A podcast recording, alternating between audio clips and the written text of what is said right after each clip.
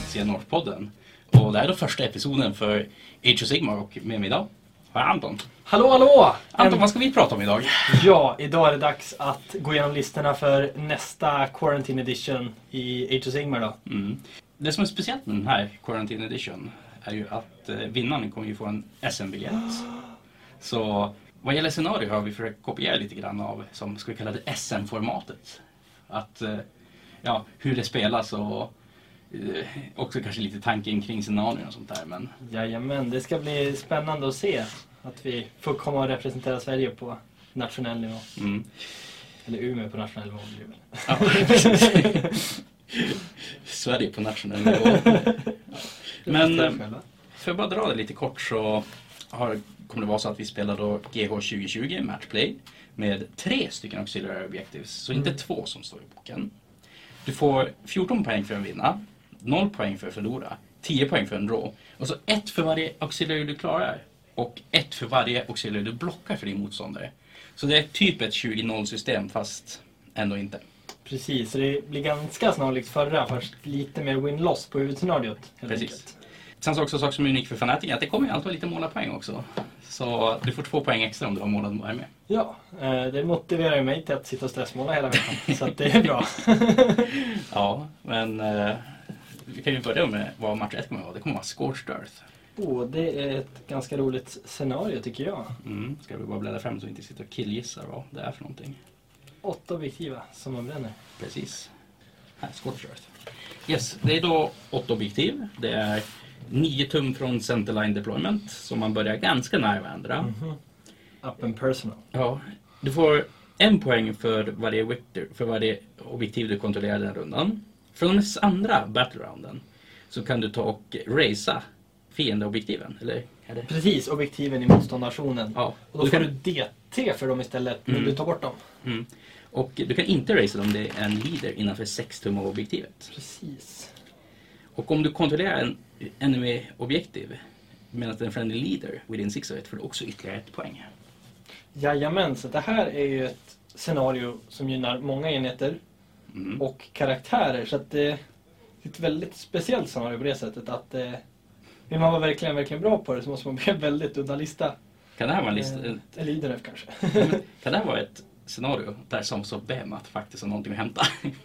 Ja, men dock känns det som att Sons of hemmet är lite för få enheter. Mm. Det är väl deras svaga sida här, men annars... Det de kan göra är att de kan ju till och med sparka bort objektiven från sin egen ställe så att de är på motståndarens och sen bränner de. Mm. Så att de har ju lite, lite trick. Så spelar tre kracken eater som bara spelar fotboll. Precis, gör så att en sparkar 3D6 också. Mm. Om det finns någon nackdel med det här scenariot så är det ju att det är D3 poäng. Men Mm. det de har lagt till är ju hur leaders och saker fungerar i det hela så att det som balanserar ut det lite grann. För jag minns ju någon gång när jag spelade här i, jag tror förra GHn så var det att man tog och brände D3 och man rullade bara superjävla kast på D3 orna och förlorade på grund av det. Ja, jag tycker det är lite tråkigt. Jag tycker nästan man borde ändra till automatiskt 2. Mm. Det är att det väl bara kanske- som dubblerar rakt Ja, av. men precis. Det kanske är något värt att komma Eller ihåg. kanske till och med tre. För jag menar, håller du ett objektiv så är det ju det värt fem poäng under matchens gång. Bränner du det så är det värt tre. Att det skulle som Ja, att du vet att... Men jag vet inte, ofta när jag själv har spelat scenario då blir det ofta att man kommer över och sen så om man vet att motståndaren kan ta över objektiv från dig, ja men då bränner du. Mm. För att då tar du bort frå- poäng från han istället. Så skulle du bränna för tre, det kanske är lite... Det är kanske lite typ, Too men much. typ två i alla fall. så att Ja, säga. precis. Så att det inte är random. Alltså det är... Mm. För jag menar just nu, håller du ett fiendeobjektiv med en leader unit så tar du ju två poäng i rundan. Precis. Och det är mycket poäng. Så att det är Mm. nästan kanske en värd strategi att satsa. Att, ja men om du har en snabb, stark hjälte, att Mm. placera ut honom. Och det är extra viktigt att döda karaktärer. Så jag tycker, jag tycker det är ett väldigt bra scenario. Eh, det är det här D3 n jag inte tycker om. Mm. Jag tycker inte att scenarion ska vara så random. Nej, men som sagt jag tycker det är bättre än förut när det bara var det. tre. Absolut. De har lagt in hjältar. Absolut. Och då kunde du bränna egna objektiv och grejer också. Ja, det var lite Nej. småskumt. De har gjort det bättre och jag tycker det är ett väldigt bra objektiv. Och jag tycker framförallt att nu för, tänker jag att vi börjar med det här så att även om det är lite random så har man som chans att hämta hem det senare i Ja, turneringen. men precis, det är ett bra, bra första scenario på så sätt. Mm. Eh, nästa då, focal points. Eh, det är fem objektiv, ett i mitten och så två i vardera zon. Det är nio tum från enemy eh, territory så det är också en ganska kort deployment. Du eh, kontrollerar båda alltså objektiven som är rakt mot varandra så får du då tre poäng. Kontrollerar du, ska vi säga, centerobjektivet tar du två poäng, annars tar du ett poäng. Tar jag ett monster eller Friendly Behemoth och håller den in innanför 6 tummaren så får du ytterligare ett poäng. Det här är ju ett scenario som jag tänker att man tar med bara för att det ska vara värt att ta med det där skumma monstret i listan. Ja, det är lite kul så. Och sen så har vi vissa listor som bara yes, yes, yes. Titta på Bastiladon-listor, Mortarcrawlers. eh, Caradonbåtarna är väl monster? Ehm, nej, men de är väl liksom. Behemoth skulle jag tro. Behemoth, så att, ja. Eh, Så att det finns ju vissa som kan utnyttja väldigt mycket men generellt tycker jag att det är ett väldigt bra för att då blir man så här, ja men då tar jag med mig en Carnosaur kanske. Jo. Istället för bara en 12 till gluttar så tar man med sig en Stonehorn. och sånt men sorts. precis, att det, det uppmanar en till att ta ett monster. Jo. Eh, Så att jag tycker om dem, det ser vi båda de här två första scenarierna, att det uppmanar listbyggandet på ett Mm. visst sätt. Också det, jag känner ju det här att centerobjektivet är det värt två poäng. Att så här, vågar man ställa fram sig och se till att man håller det? Eller ska man bara Mm. gå in och ta taggade och liknande? Att det är som lite grann att du måste göra de här tidiga valen som kommer ge Ja. dig en tidig ledning eller kanske fördärva dina med. Precis, jag tycker också det är väldigt bra att det är tvärs emot liksom, på motståndaren så får du extra poäng. Mm. Eh, för att då blir du, måste du någonstans hålla kvar försvaret på ena sidan och pusha över på andra. Mm. Istället för att du bara ska pusha över på en kant och bara, ja men jag håller den här kanten. Mm. Det är fullt fokus på det. Mm. Eh, så blir det att du som måste pusha Du tänker att lite man ska mer. hålla dem diagonalt mot varandra? Ja, Nej, utan det är ju vad heter det, ett och tre, det är ju de som är rakt emot varandra. Aha. Så du väljer som en flank du spelar på. ja, då tänkte jag fel. Ja, offensivt har det och så håller du, försöker hålla du defensivt på andra så du går som vidare och tar poäng på det viset. Mm. Jag tror att jag hade tyckt om det mer som jag tyst sa. men eh, ja, jag vet inte. Men Mm. jag upplever att det skapar ju andra konsekvenser så att jag tycker det är ganska bra att vi spelar som det är. Mm. Och spelar man ett monster och vill stå på två objektiv, ja men då Spelar man Exposed. gronspajsspindel och tar två med sin gigantiska bas helt enkelt. hmm, skulle jag ha gjort något sånt? Aldrig. Aldrig. Nej, men objektiv nummer tre, Shifting Objectives. Jag tror att jag tog med den här för jag typ aldrig har sett den spelas på en Umeå-turnering. Nej, jag tror inte heller. Man, man läser den och så tänker man på att den, den låter random med namnet. Men den är inte så hemskt random tycker Nej. Och även alltså säg att du får jättetur med primary objektivet att, och att du verkligen måste bunkra upp där. Då, alltså jag menar, går motståndaren då efter de två andra, då tar de ju lika många poäng Ja. som att de tog primary Precis. objektivet. jag. Ja, Henrik, hur, hur funkar det här scenariot? Eh, just det, det kanske jag kan säga. Att, eh, det är eh, först av allt när man kollar på deploymenten så det är ju väldigt små deploymentar. Alltså det är ju bara 12 tum in och Mm. sen så 12 tum från kanten också så det är ju som en liten box. Så Precis, och... abilities som säger att allting funkar jättebra i typ motståndarens territorium funkar ju typ inte alls på det här Nej, scenariot. precis, för territoriumet är bara den här lilla deployment-zonen och inte halva plan som är ofta. Så till exempel är det Hammerhall som Mm, har i både Hammerhall. motståndaren Eller mina och- Beast of Chaos. Eller Beast of Chaos, eller eh, Eh, ogers med att de ska ta och Och, eh, stå i... Och få minsta hit. Legion of Night. Ja. Får plus ett save i sitt eget. alla bra arméer som inte behöver sin... Kanske inte. Men sättet som fungerar är att det är tre stycken objektiv längs centerline. Yes. Eh, de är alla värda ett poäng var. Men du rullar en tärning varje runda. Och den du rullar för är värd två poäng istället för ett. Och det är där jag säger att det går ju att fokusera sig på att ta primary och verkligen bunkra upp där. Men då får ju motståndaren chans att ta de två andra. Precis, och Primary kommer flytta på sig också. Och, mm, Eh, så att jag, jag tycker det är ett bra scenario för att du, du måste sprida ut det ganska jämnt och sen så får man lägga lite extra kraft på ett objektiv varje runda. Men samtidigt när du gör det då exposar du lite mer där och motståndaren vill ju också in dit så att det blir lite att man... mm, Och så kan det ju flytta så att det kan vara så att själva striden flyttas från en kant till den andra. mm. Eh, så att det, det finns mycket skärm i det tycker Ja. Jag hoppas verkligen att jag inte möter en skyttelista i match nummer tre för då förlorar jag hela min Winter White bonus och det. Men jag. Ja, den är... Men det samtidigt måste ju vara något sånt scenario som har så här konstigt ja. För det är ju ändå som del utav spelet känner jag. Precis, och det påverkar väl kanske också lite listbygge. någonstans. Scenario nummer fyra kanske vi ska gå vidare till. Eller hur känner du med om den? Nej, bara viktigt att vara flexibel och snabb på den. Så att man kan hinna mellan. Eh, The Blades Edge har vi då på scenario nummer fyra. Det är då sex stycken objektiv. Alla objektiv är 18 tum in. Det är eh, 12 tums deployment så som mest kan du ta och tagga ett objektiv med en modell.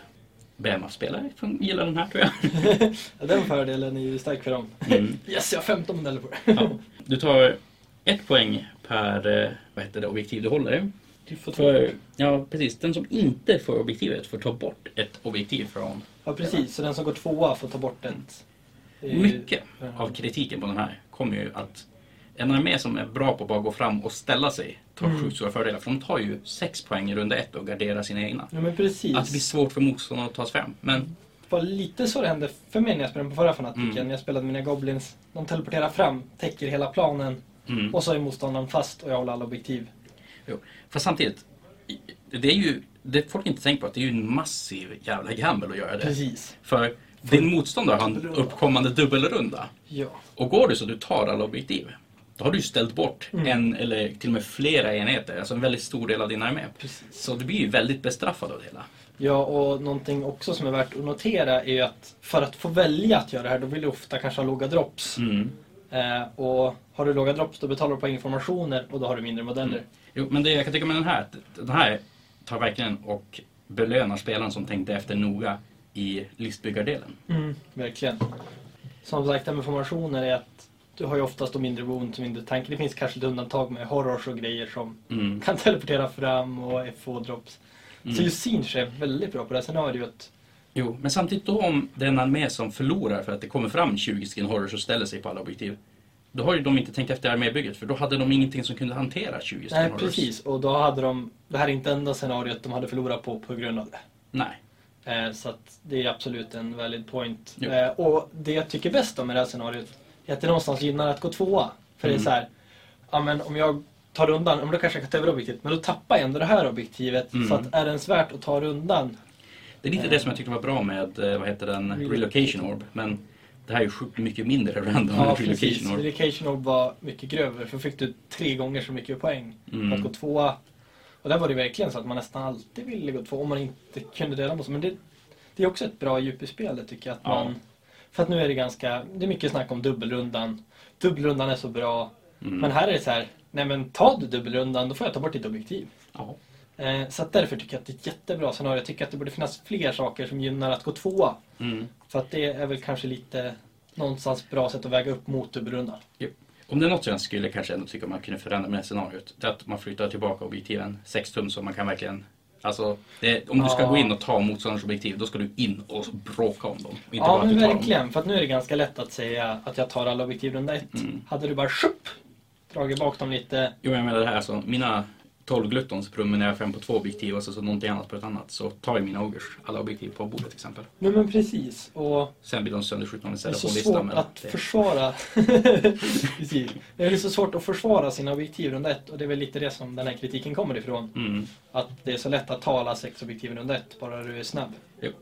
Som sagt, men jag tycker ändå att det är ett bra scenario. Som Ja, absolut. funkar Men, ju. Det kommer kanske inte dyka upp i topp 4-turneringen, eller kommer den det? Vem vet.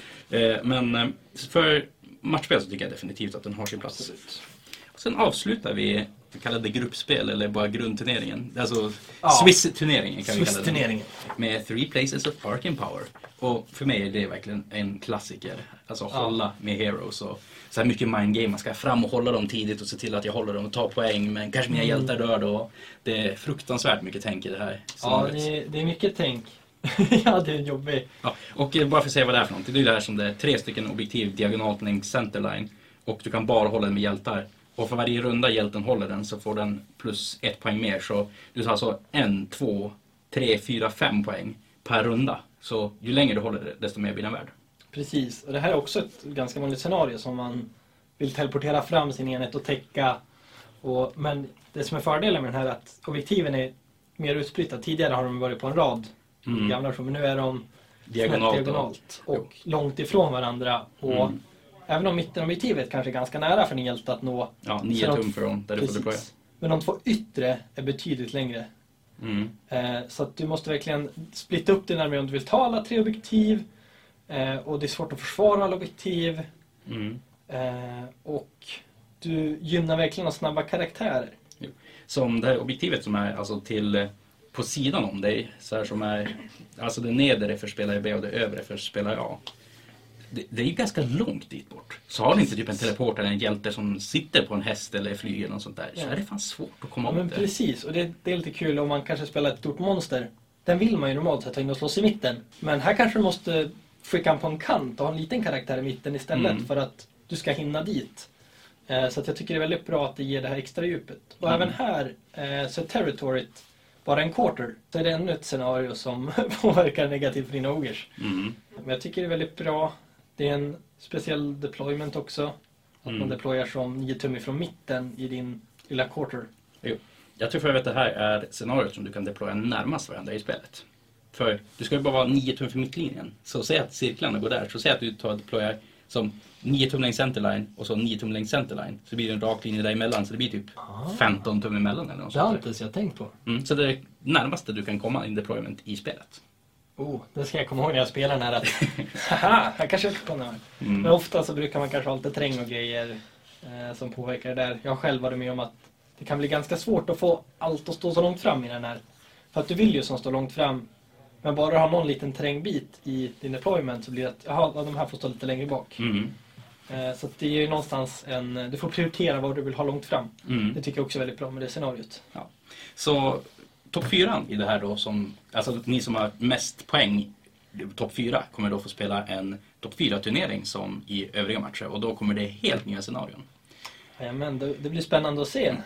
Jag kan ju nämna att man får ju inte välja samma auxiliary objektiv två gånger under turneringens gång. Men det kommer vara någonting som kommer resetta då innanför topp fyran så man behöver inte tänka på vilka objektiv man väljer i grundturneringen i topp fyran. Ja men det är bra, så att, för att det är så pass få att de tar ju slut. Mm.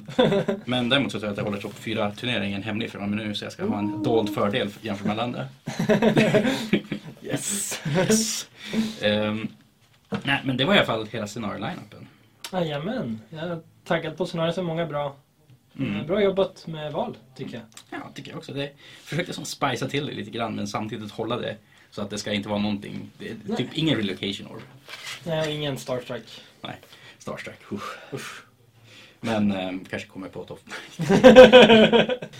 ja men eh, du Anton, det där var då scenariot. Tänker vi kan gå vidare till listor. Jajamän, det här ska bli spännande att se. Jag har inte sett en enda av listorna än. Eh, jag vet inte, eller några enstaka jag har sett som folk har skickat till mig personligen. Men Mm. Albert, eh, ska vi tro innan vi klickar på den här att det är exakt samma lista som senast? Det tror jag. Jajamensan. ska vi se, är det någon skillnad? Det är Lord Crope, det är en Engine of the Gods, det är en ehm, Orak, Skink Oracle på Troglodon. Ja, Skink Starseer. Eh, Samma artefakt. Skink Priest. Fyra, ja det är exakt samma. Det här är ju s- listan som vann senaste Quarantine Fanatiken. Eh, snäst, snarlik den som vann näst senaste. Mm. Jo, nej men Albert är ju väldigt Inbiten med den här listan. ja. Så jag- ja men verkligen, han har ju spelat det mycket, tränat mycket. Och varför ta och förändra ett vinnande koncept? helt Ja men enkelt? precis. Jag menar, han Så- har vunnit två quarantines i rad. ja. Varför inte fortsätta? Nej men vi vet hur starka Serafon är. Bastiladone som kan skjuta två gånger, Lord Mm. Croak. Mycket buffkaraktärer. Ja. Så, ja, en eh, tanke i Serafon-listan som är bra på att stå i vägen och bra på att trolla och bra på att Ja. skjuta. Och kan ändå slåss lite grann. Det är inte den fightigaste Serafon-listan man kan hitta. Nej, nej precis. Men... Eh, Känner jag bra att- skytte. När man möter den här så måste jag hitta ett sätt att knäcka hål på Bastilladonerna. Mm. Typ på något sätt göra, alltså reliably, tre Mortal Wounds Ja. och sen gå in och börja rända dem. För gör du bara tre Mortal Wounds i en Bastiladon, då går de ner ganska fort. Eh, för de som inte vet Anton, vad är grejen med Bastilladon? Jo, Bastiladonen har ett 1 plus save i början Mm. och sen går den ner när den tar wounds. Och 1 plus har de gått ut och sagt att på Bastiladonen så innebär det att den är unrendable. Mm. Så- så Det där funkar på, det är att du omöjligt kan slå under en etta på en tärning. Precis. Oberoende hur lågt ner den blir modifierad. Så har du minus 75 ränd så går den ändå bara ner till minus 1. Så då är det bara naturliga ettor som tar misslyckas barn Precis, så för att få igenom ett wound måste du i snitt slå sex attacker. mm. Och sen kan han kasta en spel som gör att han får slå om ettor på save. Då är det plötsligt 36. En på 36 att du liksom får in ett wound. Så att ett mortal wound är väldigt bra mot det här. ja. Och Ja, gör du tre nej. Mm. mortal wounds, då går han ner till 2 plus save. Och då kan jag plötsligt börja runda. Ja, för då tar de och modifierar ner till ettor som då är en fail. Så hitta något sätt att göra Mortal Wounds på som gärna inte är en spell. För Crokes för säger att nej, du får inte kasta den här spellen. Det är Om lite... man inte kanske har en croak själv. Haha! Vi kommer till det Anton, vi kommer till det. Så en ganska solid lista. Nästa upp så har vi André, eh, Anders eh, Wikström. Han spelade sina Domhain i Doneth. Volturnus, eh, Soulscryer, eh, Ishalengard, Ishalengard, Morsarer, Morsarer, Morsarer. Så det är en väldigt Oh. Och allopexer. Ja, Tvåor med allopexer. Mm. Så det här är en väldigt Oj. MSU-ig Ja. INF-lista. Eh, som jag nämnde på tidigare scenario, eh, första scenariot här med åtta objektiv. Väldigt bra MSU och snabba enheter. Mm. Så han har i alla fall två stycken av tankiga ålarna och så tre stycken treor med fightiga ålarna. Så Ja, det är ju en tankelista. Han har ingen sköldpadda så att han kommer inte ha 2 plus. Han vänder väl sig på tankhållaren och tur 1. nej. Men 3 plus. Fortfarande väldigt bra. Eh, De är Ja. ganska bra mot just skytte också för att i den här faren är specialregeln att man måste skjuta mot närmaste targeten. Mm. Sen spelar han även som sagt 2-3 Eaterwings. Det är 40 poängsenheter som är jättesnabba och jättebra på att bara det här objektivet håller, det här objektivet håller. Och står i vägen. Ja, precis. Det som jag verkligen älskar med den här listan är ju att det är t- tre stycken tvåor med alpexer.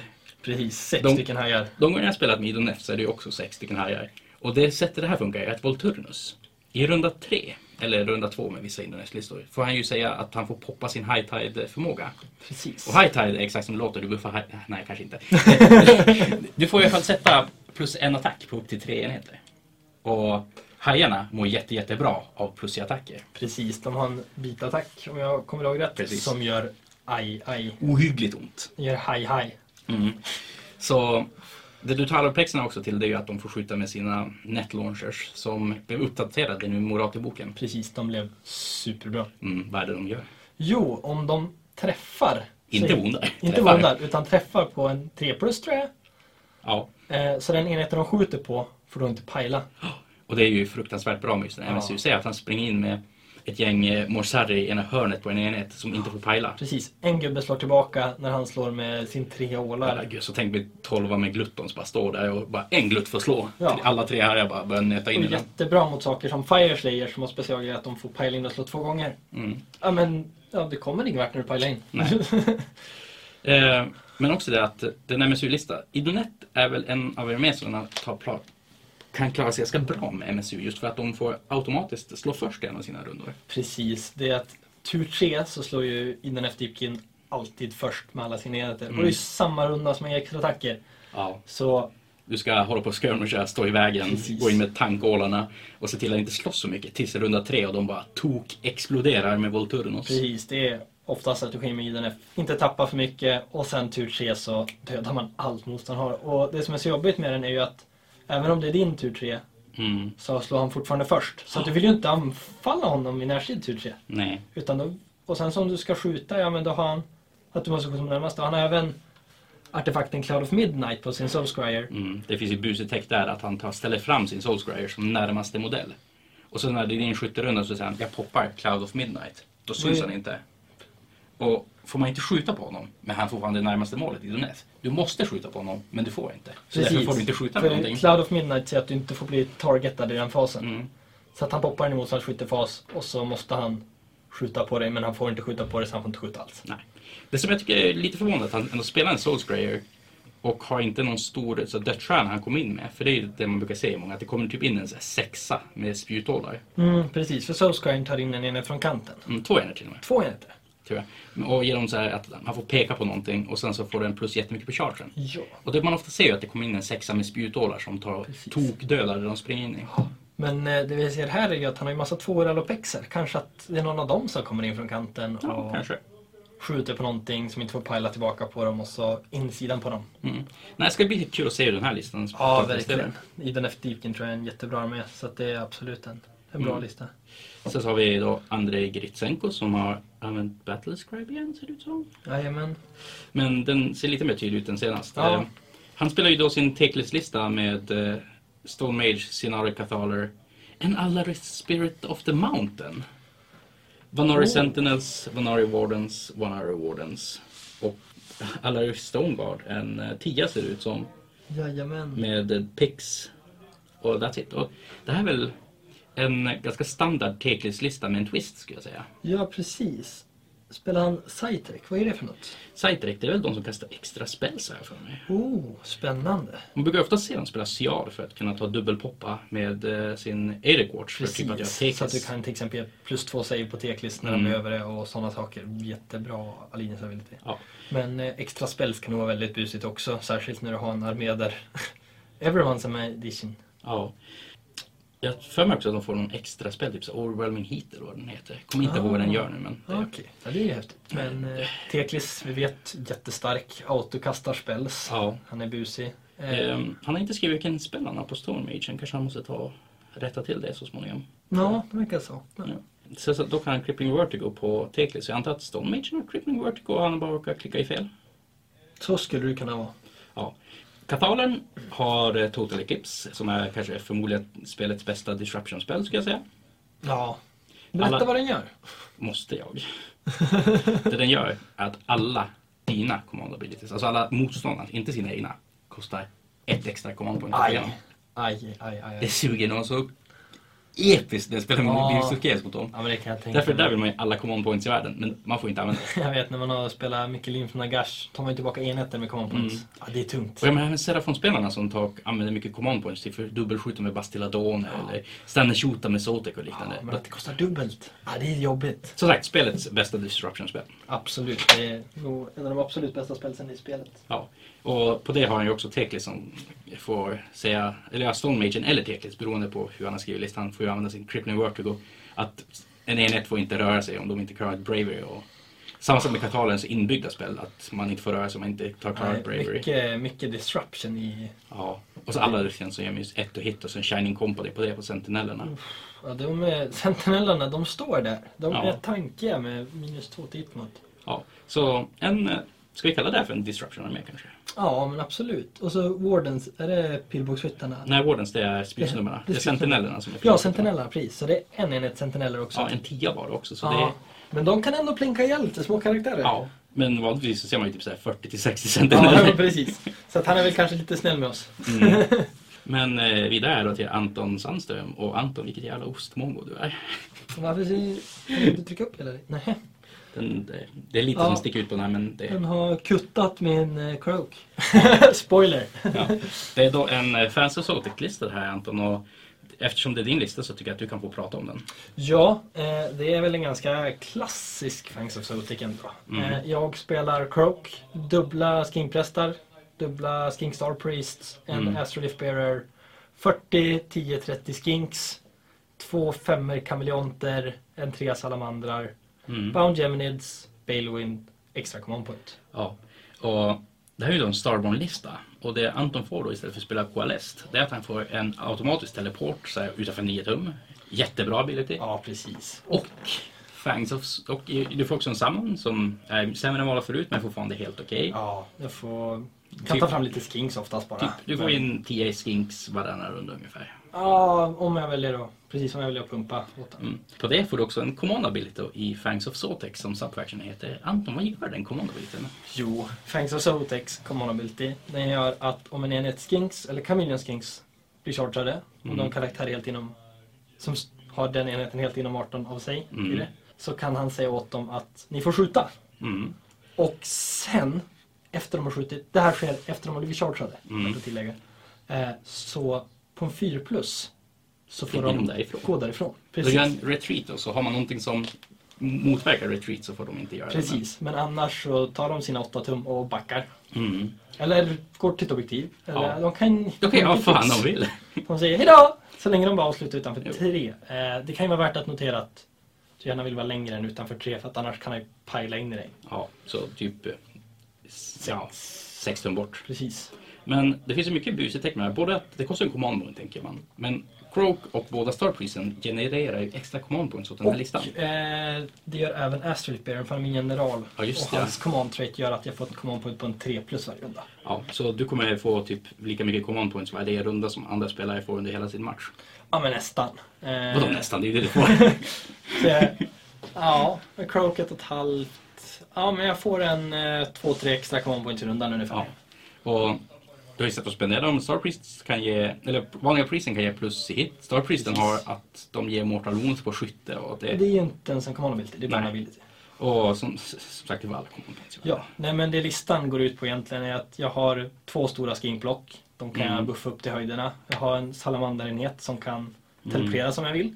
Som gör ont. Ja. Salamandrar gör ont. Kameleonter som kan dyka ner på objektiv. Eh, jag spelade tidigare en 10 men delade upp dem i två femmer för att då kan jag vilja sprida ut dem mer. Jo, och de behöver dessutom inte vara så dödsstjärniga för Och, om du lägger ut buff så är det förmodligen på nej, skinkblocken och så låter för du salamandern... kameleonterna startade i himlen. Så Mm. att de kommer inte vara på planen när jag Mm. buffar. Nej. Eh, så att det är en massa buffar. Croak, fantastisk modell. Eh, borde Det spelar nerfas. över hela bordet. Får kasta sin bound geminid som ingen annan får styra.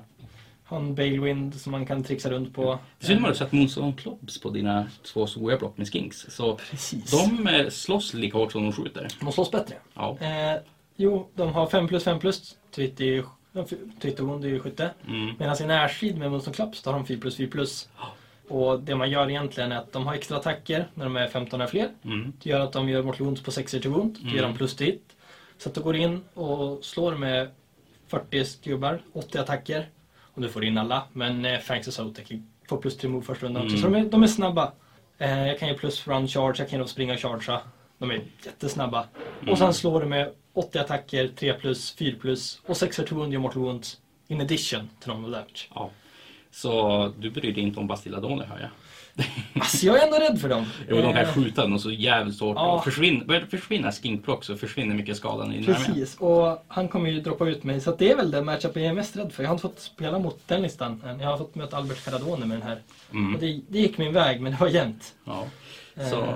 det här blir spännande att se. Jag är, I mitt försvar så bestämde jag för ett år sedan att måla upp en skinkan, men jag har väntat på att de ska nerfas, men de har inte blivit det. Eh, next up så har vi då Bebbe då, som spelar Night Haunt. Det är mycket så här Guardian och S- Souls och grejer. Men det som man kan kolla på den här listan är ju att det är ganska få drops i den. Och så har han då Två Reiknor. formationer. Jo, men så har han Reiknor med en eh, Chromatic Cogs. Och grejen som det är ju att Reiknor kan göra skada på sig själv för att få plus jättemycket på casten. Plus tre, va? Ja, och nästan garantera få igenom Cogs. Oh. Och efter det så tar han då Deep Striker in med ja, men typ de här revenanterna. Ja, det är en Vegas 20 han Revenant. spelar och en 10 och det. Oh, och de slår hårt. Mm, så det här är en tungt alfa striker jag med. Ja, ja, det är en jättespännande lista att se han. Han dyker upp med massa Vegas Revenants överallt och säger nu ska du dö. Men lite så. Ja. Mm. Däremot har ju Bebbe skrivit den här också i Battlescribe så fy på dig Bebbe. Ja, nej, han borde veta bättre. Mm, han borde veta bättre. Och Så. klaga på honom, han står utanför. Mm.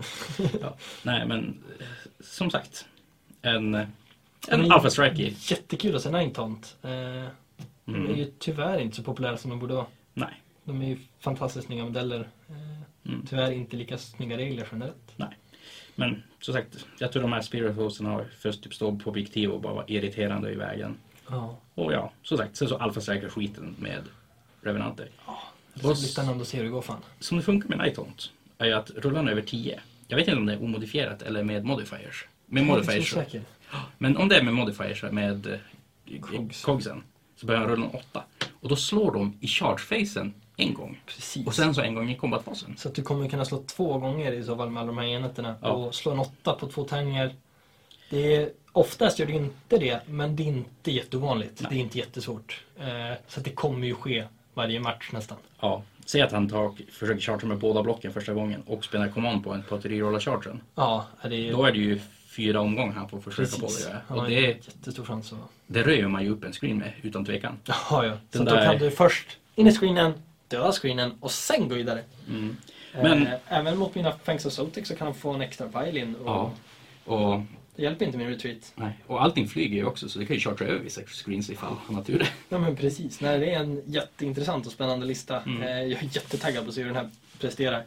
Tyvärr ganska bräcklig för det är ju Night Haunt. Han Ja. har Inte så någon gravesites att ta tillbaka saker med. Och, Nej, det finns risk att den eh, faller i bitar när saker börjar dö. Men Ja. eh, jättehäftig lista. Ja. Eh, Jättespännande att se hur den går. Och Bebbe är ju duktig spelare. och så har han spelat den oändligt många gånger också. Så det. Ja.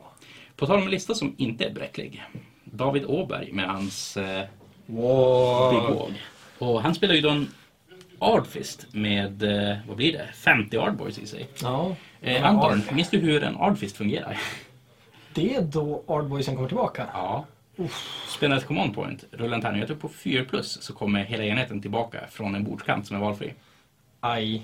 Och de här Ardboysen, de är tankiga och slår mycket. Och, ja, det, är en, det är en jättebra Ja. enhet. Det som är med Big Wag också är ju att du kan generera Wag points som ger olika bonusar. Men de jag tror att han söker efter, det är att få plus ett hit och plus ett i wound och 6 plus negate på sina artboys. Då slår alla 2 plus 2 plus. Ja, det, är- det är Ard for a reason. Ja. Eh, Warshunters buffar upp dem till damage 2. Så Ja, damage. Den buffen är så fantastiskt viktig för den här armén. mm, spelar dock Och- ingen roll mot KLS. Nej, Så- nej. Mot allt annat. Alltså skillnaden mellan damage 1 och 2. Mm. Alltså, han- det är som att han dubblerar all skada han gör. Den är helt Men fantastisk. jag ska få höra den coolaste saken också. Han spelar med Gotrak. Ah. Oh. Och han gör ju faktiskt saker för Big Wag. Vanligtvis när ens general lever får man ju en D6 Mhm. Wag-poäng. Gordrak gör att det är automatiskt en sexa. Oh. Så Hur mycket se, kostar de här buffarna ungefär? ehm, alltså man börjar få dem redan typ så här kring 5 och 6 och sen så går man upp till 20 får man typ sista buffen på. Och finns det fler sätt att generera poäng? Ja, du har en command ability som säger att du mäter alla orker innanför typ 18 tum eller något sånt där. 15, 18 eller 12, jag kommer inte riktigt ihåg. Eh, för varje 10 orker som är inom det får du ytterligare ett war point. Oh. Du Och, får också ett war point för varje enhet som chartrar. För varje hjälte som är i närstrid i din runda så... Ja, alltså runda två så, så borde du ha alla buffar. ja, det är ju jättehäftigt. Att, Mm. Särskilt när han spelar med Ardboysen som är ganska många. Mm, Det är totalt 50 stycken. 50 stycken. Så det, han garanterar ju om inte det börjar dö saker. Man har ändå nio olika enheter som är ganska snabba och kan komma in. Mm. Ja, det, är, ja, det är jättehäftigt. Ja. Jag är taggad på att se den här listan också. Så som sagt teleportspel i- med Hand of Gork. ja, just det. Så han kan ju plonka ner med 20 Ardboys som står där med... Ja, slåss jättehårt Ja. och 6 plus negate och kommer tillbaka. Jättebra Det vet han då. på flera av scenarierna vi nämnt tidigare där du vill Mm. gå fram runda ett. Ja. Typ Knife to the Heart. Som sagt, jag tror inte Gordra kanske är den mest optimala valet, men det är väl onekligen det coolaste. Ja, och han är inte så mycket dyrare än Monk kanske. Nej. Och ska man spela Gordrak så är det ju Begåvd för att få de där extra Ja, poängen. precis. Nej, och det är ju jättekult att spela med vissa specialkaraktärer, särskilt Gordrak som är hur häftig som helst. Mm. Så nej, en bitig och tankelista här med mycket moment. Ska vi gå vidare då till Douglas Kärrholmen och Men hans hans lista. azteker. Det, det är hans azteker men den vill inte ladda in så men det jag vet om den är att han spelar en väldigt Mortals-tung ikonlista. Vi kommer se mycket Skull Reapers tror jag att det är han spelar med. Vad kan man säga? Douglas har spelat den här listan oändligt många gånger så han borde kunna den vid det här laget. Ja, han har testat runt lite nu vet jag för att få in olika mycket MSU och lite sådana grejer. Mm. Han gillar att ha två slaughter priests. Han brukar spela sin Blood Secretor i en... Den här som förlänger auran till 24 tum. Och som Mm. sagt, mycket slår, Skull Reaper som går in och slår tok jävla hårt. Det var ju när jag Ja, spelade med Douglas precis. senast som hans eh, stora block med Skull Reapers går bara in och autosänker alla mina 12 gluttons de, de är genom- ganska, Det är de som är mycket mot Loons va? Ja. Ja, när jag underskattade dem en gång, gick in med gamla Ethereal amuletten och var immun mot den. Mm. det var en dålig idé. För han, då dog min sommardrake av tusen mortlons. Ja. Som sagt, vi kan inte se listan men om det är steklistan han spelar, vilket jag antar till 99% så är det och han, typ så. Ja, men något i den stilen. Han har testat runt lite olika. Det blir spännande att se exakt vad det är för något. Mm. Sen har vi en eh, till lista som är eh, Ogre More Tribes av Henrik Gunillasson. Ja, men du, det här är ju din lista. Ja. Det här är ju en Blood Gullet-lista som jag spelar som Winterbite istället. Jaha, spännande. Och det det innebär, är Winterbite, det enda jag vill hämta därifrån, det är att så länge jag är i mitt territorium så får jag minus ett hit mot mig i skyttefasen. Det är ju väldigt bra när vi har många bra skyttenheter. Mm. Vi tittar på både min och Alberts Serafon-lista. Men också det att eh, Blood Gullet, det är ju den här Ogre-fraktionen som gör så att man får kasta dubbla spells. Mm. Jag tror inte den spelar någon roll i om man ska försöka vinna turneringar. För jag får ju inte någon magiskt eh, plus fem på casta grejer. Nej, du har svårt mot Teklis och Ja, Ja. och det finns lagom många Teklis och Croak i den här turneringen för att jag tror att det inte ska vara värt det. ja, men det är intressant att du har valt att, valt Mm. att byta på grund av det. Ja, Jag tror nog att det är ganska smart metapick. Jag tror att tittar man i ett tomt grej så kanske liksom Bloodgullet kan vara bättre. Men just när du anpassar dig så här så tror jag Winterbite är ett bra val. Jo, för om man kollar på listan det går bra för Sench, Lumineth och Serafoner. Alla som säger att jag inte får kasta mina spells. Ja, men precis. Så nej, det, det blev att spela Winterfight istället. Jag förlorar ju lite en vettig command ability artefakt och kom, eh, command rate på det men jag tror att i det långa loppet är det värt det. Ja, det är bra buffar du får. Spelar då en eh, Stonehorn som är immun mot rend 1 och Metal Cruncher. Det, den är bra på att äta saker som har bra armor sig. En eh, Tyrann som eh, är general med command traitet som typ inte gör någonting för den här armén. Han är då Fate Seeker, det är 3 plus save. Eh, jag tror inte någon spelar någonsin någonting annat på sin Tyrann. En eh, Slaughtermaster med Frostfang. Och det den här gör, nu ska du få höra Anton. Oh. Varje Hero Face rullar en tärning på 5 plus för ytterligare ett skada. Oh, det är jättehäftigt. Och Så- namnet är också jättehäftigt. Frostfang. Alltså jag spelar ju Spaceworld till 40K och det där är ju liksom Jo, rätt in. men eh, nu ska vi lite... För er som har sett mina ogers, det är ju alltså japanska Oni-ogers. Mm. Och min Slaughtermaster, det är en Brewmaster. Så jag tänker att han slår ju två D6-attacker, så han är lite random när han slåss. Det vill säga, han håller på med sin fulla kung fu. och skälet till att han får mer och mer skada, det är att hans fulla kung fu blir starkare ju mer han dricker och ju längre matchen går. så den passar som fluffmässigt in på honom också. Jajamän. Mm. En eh, Icebrow Hunter med eh, sex stycken katter för Deep Striker. Ja, just det. Han är jättebra på alla sekundära objektiv som finns i världen. Ja, han säger nu är jag här och nu tar vi det objektivet. Och det. Så definitivt ett scenariopick. 12 stycken gluttons, för 12 stycken gluttons är alltid bra. det är en stor enhet. Och Ja. Den tål mycket. Det är ju då 48 ons som gör typ så här 70 ons tillbaka när de slår. Aj, aj, aj. Eh, två stycken fyror Iron Guts i en Tyrant Gut Guard med en Tyrann. Just det. Så tyranten från tidigare. Mm. Där. Så det, det gör att Tyrannen får skicka över Mortal Wounds på Gut Guard snubbarna på 4+.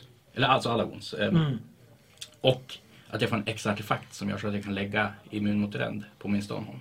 Varför har du valt att ta den här? Är det för att skydda din tyrant eller är det för artefakter och command points? Och... Det är väl kombinationen av det hela för som sagt, tyrannen han blir en karaktär som man kan typ till exempel på eh, Three Places of Arkham Power att han kan gå f- promenera Ja, fram och just ställa det. på ett objektiv. Och en tyrann på 8 ons och 3 plus save, det är inte supertankigt. Men han får han dessutom ett 4 plus negate på sig. Ja. Då blir han helt plötsligt att han kan som stå och verkligen ta stryk. Ja men verkligen, då blir han ju som ett stort monster i tankighet. Och då Ja. Mm. blir han ju fantastisk på de scenarierna och jättebra. Du har ju tänkt efter här att du vill skydda dina karaktärer Mm. lite mot skytte också. Jo, men säg att jag går fram och tar mittenobjektivet med tyrannen. Mm. Då har han minus 2 to hit på sig i skyttefasen. Han kan stå i en terrängbit så han går ner till 2 plus save. Och så har han ett 4 plus negate på det. Ja, nej, mina... Vad sänker honom? Ingenting Anton, ingenting. Skinks! Eh, Han är ett förbannat tanke då. jo. Och som sagt, fyra Iron Guts. Alltså, folk kan tycka att det är en konstig enhet, men fy- fyra Iron Guts kan slå ihjäl allt annat i den poängklassen. Ja, verkligen. För 220 poäng så är det lite som slår så hårt. Men... Ja, alltså för 220 poäng. och- Säg någonting som spelar fyra Iron Guts för den Nej, poängkostnaden. eh, Skinks. Svaret på allt idag. Ja. Nej men eh, fördelen med att du spelar 2-4 är ju också att du får fler hot. Mm. Eh, Att du har, för då har du liksom Jag du kan- har gluttarna, Iron Mm. Gutsen och eh, ja monstret. katterna och monstret. katten. Ja men precis, så att du har hot överallt.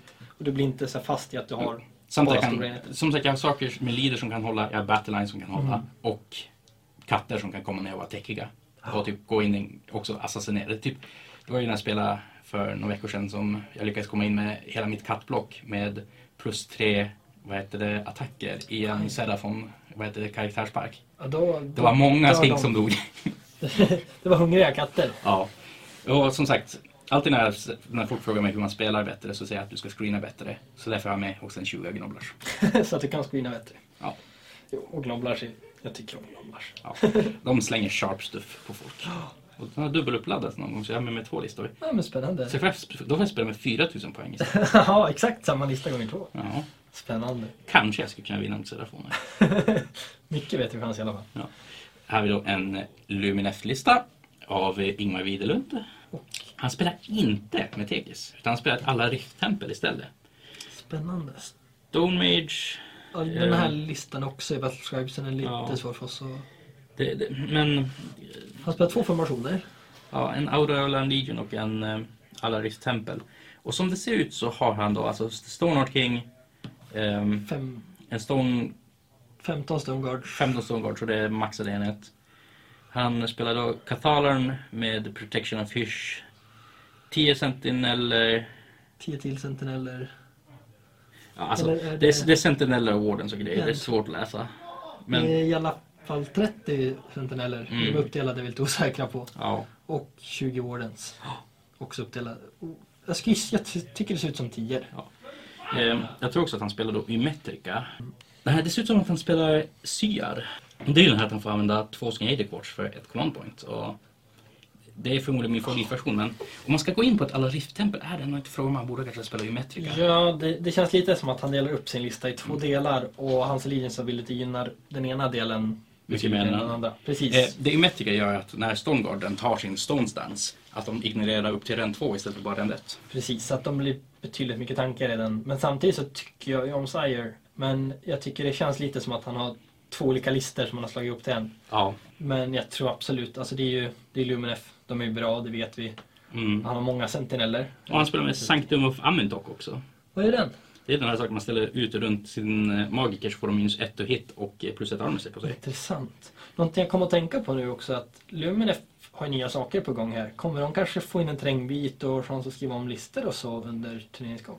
Om man får en FAQ så får man ta och byta lista. Så får man först boken får man inte byta.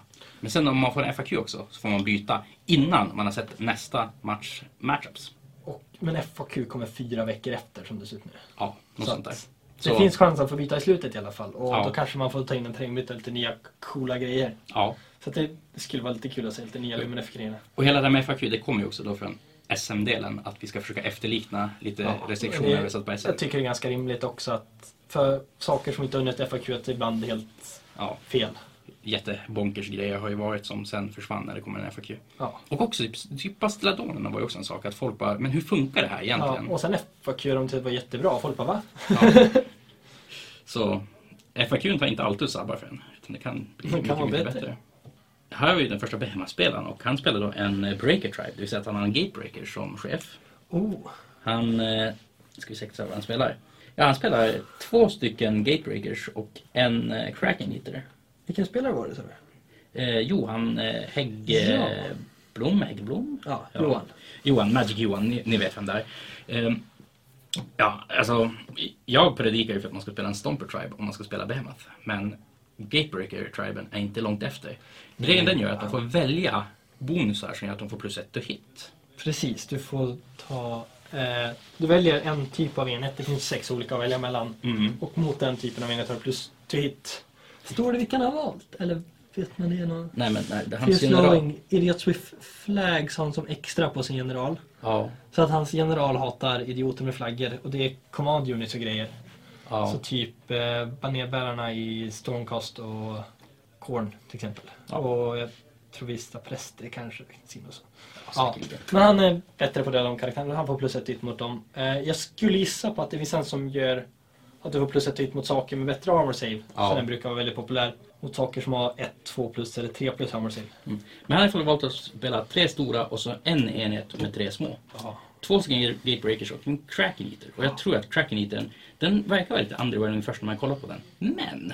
Den här snubben får ju sparka objektiv. Precis. Och vi snackade om det i Scorch Earth, att den kan sparka över ett av objektiven till Ja, men motståndarsidan. precis. och sen ta och bränna sitt eget objektiv, för den Ja. är ju på, i enemy Ja men territory. precis, så att det är väl lite hans grej att han den är lite mer scenariobaserad Mm. medan de här två gatebreakersen de slår så förbannat hårt. Speciellt med plus to hit också. Det- Precis, när jag har själv testat att spela gatebreakers och de har ihjäl mycket. Mm. De är Arga.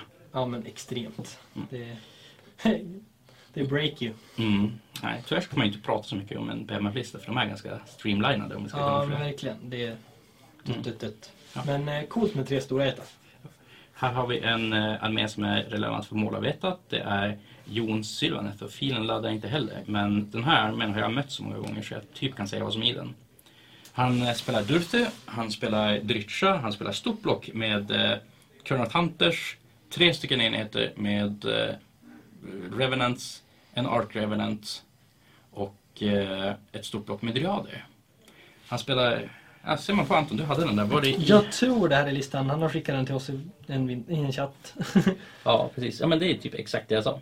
Ja, eh, i Winterleaf. Formationen Forest Folk. Jag har dålig koll på Sylvaneth. Ja. Eh, det man kan kolla här på är ju att han spelar ju med eh, Winterleaf. Det betyder att han får dubbelpajla med en enhet från en artefakt. Ska vi se. Det är The Frozen Kernel kallas den. Precis som man har på sin Spirit of Durfu. Så Durthu kan dubbelpajla eller ge dubbelpajlen till sina stort block med Colonel Hunters. Precis, en sexa Kernafanter som dubbelpilar och slår det. Ja. det är raj. Eh, Arkinevenanten kan ge dem plus eh, en attack också. Det här. Precis, och Kernafanter har ju en specialregel att de behöver inte vara innanför eh, Commandabilitins range för att få den targetad. Mm. Utan du kan kasta Commandability från dem på sig själva. Han spelar Spikes Warm Hive och det den gör att den ger typ så här plus 3 på chargen på 2 plus på en Sylvanett-enhet tror jag. Ja, det är något, den är...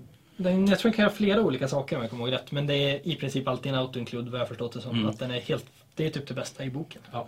Det är den som gör så att han kan alfa-sträcka fram den här stora sexan med Current Hunters och faktiskt vara ett hot.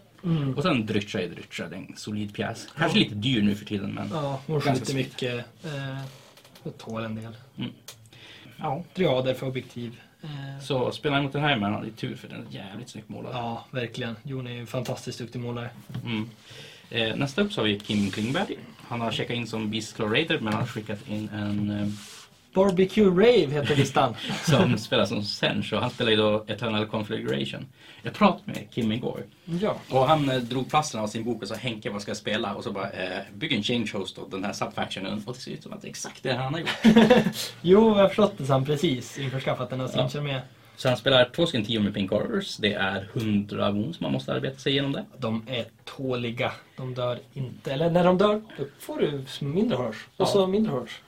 Han spelar med 12 stycken Flamers of Sench i en och samma enhet. Oh, det Som han är får teleportera en omkring och stor skjuta med. enhet. Alltså den... Det här kan vara bland de farliga enheterna. Den vi- ska ner direkt. Ja, det här, som sagt, det här kan vara bland de farligaste enheterna vi sett i spelet än så länge. Absolut. Alltså flamersen. Man För- ser ofta i trier. Och i trier är de extremt läskiga. Och så här kommer en tolva. Och dessutom med sin egen subfaction också som de tar och gör så här extra mortal wounds så de får bättre ränd och grejer. Och, Ja. Det är... De säger... För du kan ju teleportera dem, fan spela en change host. ja, det gör han. Change host är i princip du får ta upp demonenheter från Sinch och en Mm. roll of change. Och så får du teleportera en enhet i rundan. ja. Vilket är jättebra. Det vet vi från Serafoner och dylikt att Ja. få teleportera saker är helt fantastiskt. Han har då en spellportal som kommer agera som sniperscope åt hans eh, D6 mortal wounds eh, grejspel som Gör den Sench har. inte mer än D6? Den- Den gör jätteont. Är det Den, inte det här nio tärningar Jo. varje tre plus så gör rätt? Så, Så du snittar sex mot ont. Ja, den kan ju upp till nio. precis. Så att det är en helt fantastisk spel som man kan kasta genom portalen. Och Lord of Change har också en specialregel att när han slår en casting roll så är han om den lägsta till den högsta. Mm. Och sen har jag även Fate Dice, Fanny Inch, han kan fuska. Ja. Fusktärningar. Otroligt framtung lista dock, måste jag säga. Ja, För När verkligen. den här väl börjar gå sönder går den sönder ordentligt. Ja, precis. Han har ju sina horrors som är tanken men utöver det, det där flamer-blocket, det... Alltså börjar det ta wounds så börjar det försvinna. Ja men precis, det känns som Och samma att... sak, karaktärerna är ju papper i den här listan. Ja, nej, Det- men... eh, Det är väl Lord of Change som kan överleva ja, lite längre. precis. Men generellt väldigt, eh, väldigt eh, dålig tankighet i listan. Men väldigt framtung, slår väldigt hårt. Och möter han rätt typ av armé, det vill säga en armé som inte skjuter, så kan ju Pink Horsorna stå i vägen i dagar. Nej, de här eh, flavorsen är obehagligt bra. Ja. Och eh, ser du dem, döda dem eller göm dig. Det är de två alternativen du har. Mm. Som sagt, en av de farliga enheterna vi kommer se i hela turneringen tror jag. Absolut. eh, Jag menar, Tyrean Salamander är ju typ inte så läskig jämfört med det där. De, de gråter av rädsla när de ser den. Ja. Lukas Holmström då? Han spelar sin jättesnygga stormcast-lista, fast med Croak den här gången. Ja, eh, på tal om målarmetat. Ja. Han spelade då tre stycken ballistor, Lord Ordinator, en 20 Secretors, 10 Judicators, 5 Liberators, Lord Castellan, Lord Croak och Lord Arcanum Progress Charger. Den här listan hade varit jättebra när första, eh, andra editionen av Age of Sigmar kom. För 20 Secretorsen skulle ju slå ihjäl allt och tåla allt. Mm. Och tre stycken ballistor som en Lord Ordinator i, alltså, De Andes of skjuter ju. Hellhammer, skjuter ihjäl allt. Så han får skjuta med de här Hero-fasen också, men bara en gång per enhet. Det han har gjort här, han har lagt till Croak så han får alla command points i världen. Så han kommer kunna typ dubbelskjuta med alla ballistor varje runda. Och Croak är ju väldigt bra på att kasta Ja. magi och han har ju sin DT mot Lons över hela plan. Ja, Comets Core och sin så här inbyggda spel. Tyvärr kombinerar han ju inte den med en drake vilket hade varit jättecoolt. För att Ja. de spottar draken och kommer ett kol. Mm. Mot Lons på... Jo, det man ser i den här armén det är att man kombinerar med en drake och en Celestan Prime. Ja, så då säger du alla små karaktärer är döda runda ett. Ja. Men eh, Croak, fantastisk eh, pjäs som sagt. Eh, han spelar den utan Balewind vilket är intressant. Mm. Men jag tror att i den här listan eh, funkar det nog lika bra nästan. Ja. För Croak kommer ändå innan jag sett... Förvånansvärt bräcklig lista, men det var 116 monster. Jag trodde typ att det skulle vara typ så 150. Men nej. Ja, men det är ju...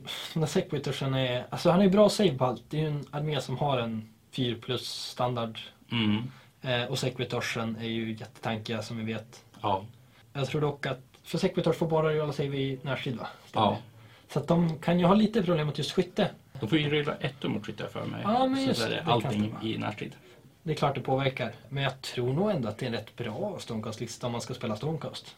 Mm. Den är utdaterad kanske jag skulle kalla den för. Ja, ja men precis. Det, Stormcast skulle behöva lite kärlek. Det finns ju det här Power Creepet som är Ja. allt annat som det alltid finns. Jag i Warhammer. Ja. Nyare saker är oftast bättre. Mm, typ serafoner. Lite ostmål. ja. Nej, Nej, men, men, eh, fantastiskt snygg armé. lite synd att han inte har jättekul att tagit se. med sin drake som sagt. Både för att den är jättesnygg och Ja. att den hade kunnat komplementera Croak lite Det grann. kan ju vara bland de snyggaste modellerna jag sett någonsin. Ja. Sen då, lite mer... eh, av På tal Henrik om också. eh, dödsstjärnor. Här har vi en Blood Gullet-lista. Det vill säga Ogers. Som är den här då, alltså kasta två stycken Spets. spells. Eh, han spelar med Slaughtermaster som har att man får pajla 3 plus 3 tum med enheter. Han helar Ogers när den, man gör skada med den. Fleshgraver Curse, han gör D6 Mortal Wounds på en fiendeenhet men ger dem plus en attack. Vilket är en spel man inte ser så ofta. En minus 2 hitspel på en enhet. Butchen har eh, plus en attack och minus ett save. Samt att Butchen har 5 plus negate artefakten. Och så Billowing Ash på Firebellen som gör att allting innanför 12 får minus ett hit mot sig. Ah. Så han har två sätt att stacka minst ett hit med sina karaktärer. Ja men det är ju busigt. Firebellin tror jag är ganska bra mot dagens meta. Det är lite synd att han kan ha svårt att få igenom sin spel. Men Ja. får han igenom den där spelen, Det är ju en åtta kast och han kan få max plus ett från att stå nära sin kittel. ja det är... Så man får igenom typ så här Hålla ibland. tummarna och be. Man får igenom det ibland i runda ett och sen aldrig igen känns det som. Men när du väl får igenom den, den hjälper ju absolut Ja. jättemycket. Så att jag tror ändå att det är ganska smart pick. Jo, jag menar får man minus eh, två till hit mot en enhet, det är ju jätte, jätte, jätte, Jajamän. Eh, Men han spelar två stycken 600 med gluttons. Ganska solida enheter. Lite samma funktion som mina Arvats i min lista s- har ska jag tro. Ja, att de är lite mindre men kan sprida ut och slå hårt och... Ja, och Commander blir lite för Tankiga att ge och- dem reroll to wound och grejer. Och, Precis. så de Två solida enheter. Ja. Det är 24 ons i varje för 240 ons, så det, det, det, är, ganska, 10 poäng per god. det är ganska skapligt. Absolut. Men eh, som sagt, på tal om dödsstjärnor. 12 Iron Guts. Aj, aj, aj. Det här, det här vi precis sa om eh, hårdaste enheten vi kommer se i den här turneringen. Här har Ja, vi... en contender. Jajamän. Och Det är han en spelar ju... enhet för 660 poäng. Ja, men han spelar ju dem också i en gourmand. Det, det betyder att hans eh, Slaughtermaster får rulla två gånger när han gräver fram i kitteln. Så det är Oh. jävligt höga odds att han ger plus ett to hit åt Iron Gutsen. Alltså det är... Då är de 2 plus 3 plus rend 1 eller rend 2 om man får ge en ribcraft Går- också. Får jag fråga, går den förmågan att stacka två gånger? Ja. Så att om han skulle ha lite tur så kan han ha plus två till så att han träffar ett plus. Där har han ju minus ett. ja. det, Men det säg att han är liksom- skulle få igenom så. alla buffar. Då skulle han alltså varje ögat få fyra attacker var med sina klubbor, två attacker med sina bett, träffa två plus med båda, eh, bonda tre plus med båda, rend två på klubborna, rend ett på betten, damage ett på betten och damage tre på klubborna. Det där är att stompa folk. De Så slår ihjäl det de tittar på oftast. Ja, det är en det här, jäkligt hård enhet. det här är enheten som inte bryr sig om tio stycken horrors. Nej, de sa Vadå att ni har 50 wounds? Boom! Mm, men alltså den här, den här enheten, alltså varje Irongat, vad är det de gör? Typ så här, fyra attacker, säg att han har gett en reroll ett så träffar alla fyra och så tre wounds och så går de igenom. Så varje Irongat gör typ så här 10-11 wounds per snubbe. Det är alltså över 100 damage. Du kan slå ihjäl en hel armé med den där i närstridsrunda. Ja. Det är helt absurt hur hårt den där slår. Ja. Eh, Då ska du självfallet ha ganska mycket tur att komma in rätt. Ja. Men teoretiskt är det möjligt. Ja. Vilket är helt eh, fantastiskt. Det säger någonting om hur tuffa de där eh, ogirsen är. ja. Som sagt, jag tog hype upp mina fyra med Ironguts, men här har vi en mer buffad 12 med Ironguts. Ja, det är, det är otroligt, otroligt stark enhet. Sen som sagt, två stycken fyra led belchers till att hålla bak objektiv och uppfylla Gormand-formationen. Ja, de kan skjuta lite, de slår rätt bra också. Mm. Det är- De kan ta hand om motståndarens lite mindre grejer som Mm. är i vägen och stör. Och, typ mina kameleonter till exempel, eller dina vargar och eller katter. Eh, Sådana saker. Mm. Jo. Mm. Håller Men- rent. Som sagt, huvudfokus i den här listan är ju 12 med Ja, Ironguts. ja men precis. Den, Den kommer gå i en klump framåt och sätter man inte stopp för den så dör man. Ja, det är så här, offra en henne till runda till den. Mm. Däremot, det, Micke kommer gråta blod när han möter. Det är Luminef-listan. Han kommer inte få kasta sina spells. Hans kommando abilities kommer kosta extra. Och han måste ka- klara typ så här 2 plus bravery på sina Åh nej, Ironguts varje gång de ska göra någonting. stackars Iron Guts. Så det, det här, det Det här var... är Det, Teklis-listan. ja, som sagt, det här är varför en dödsstjärna i Ogers inte kanske alltid är en bra idé. Men lyckas han dodga Luminef-listorna så tror jag ändå att den här kan gå bra. Absolut, han är så pass hård. Skitmycket listor i den här turneringen. Ja, det är kul, vi är så många den här gången. Mm.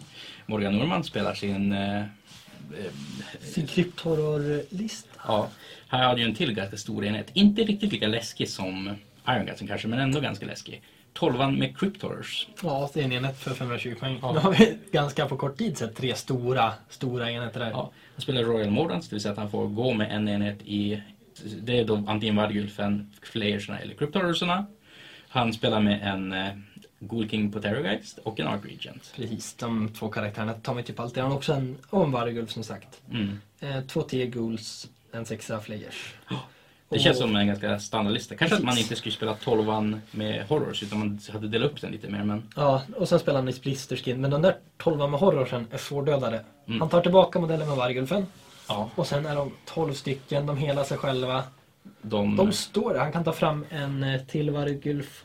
Eller är det en kortier av något slag? Nej, han får ta en Det är en vargulf. vargulf han kan ta fram. Så han kan ha två vargulfar som bara håller igång horrorblocket. Medan... Precis, och de kan också ha GT Gulsen eller... eh, Och Precis. Blisterskin är ju de som får den här teleport command abilityn så det är också att han Precis. får lyfta fram dem. Så att Och han- Royal Mordants gör att han får två, gå två gånger. Ja, så att han kan i princip ha men både, blister, eh, både Flayer-enheten och eh, Horror-enheten i motståndarens ansikte direkt. Då är det så tack, samtidigt som han har den där Terrorgeisten som vi vet är så fruktansvärt hård Ja, på att alltså, slå. Terror Guys är ju vi delar alla personers mardrömmar. Så. Den, eh, Han spelar den ju som- äter Bastilladoner.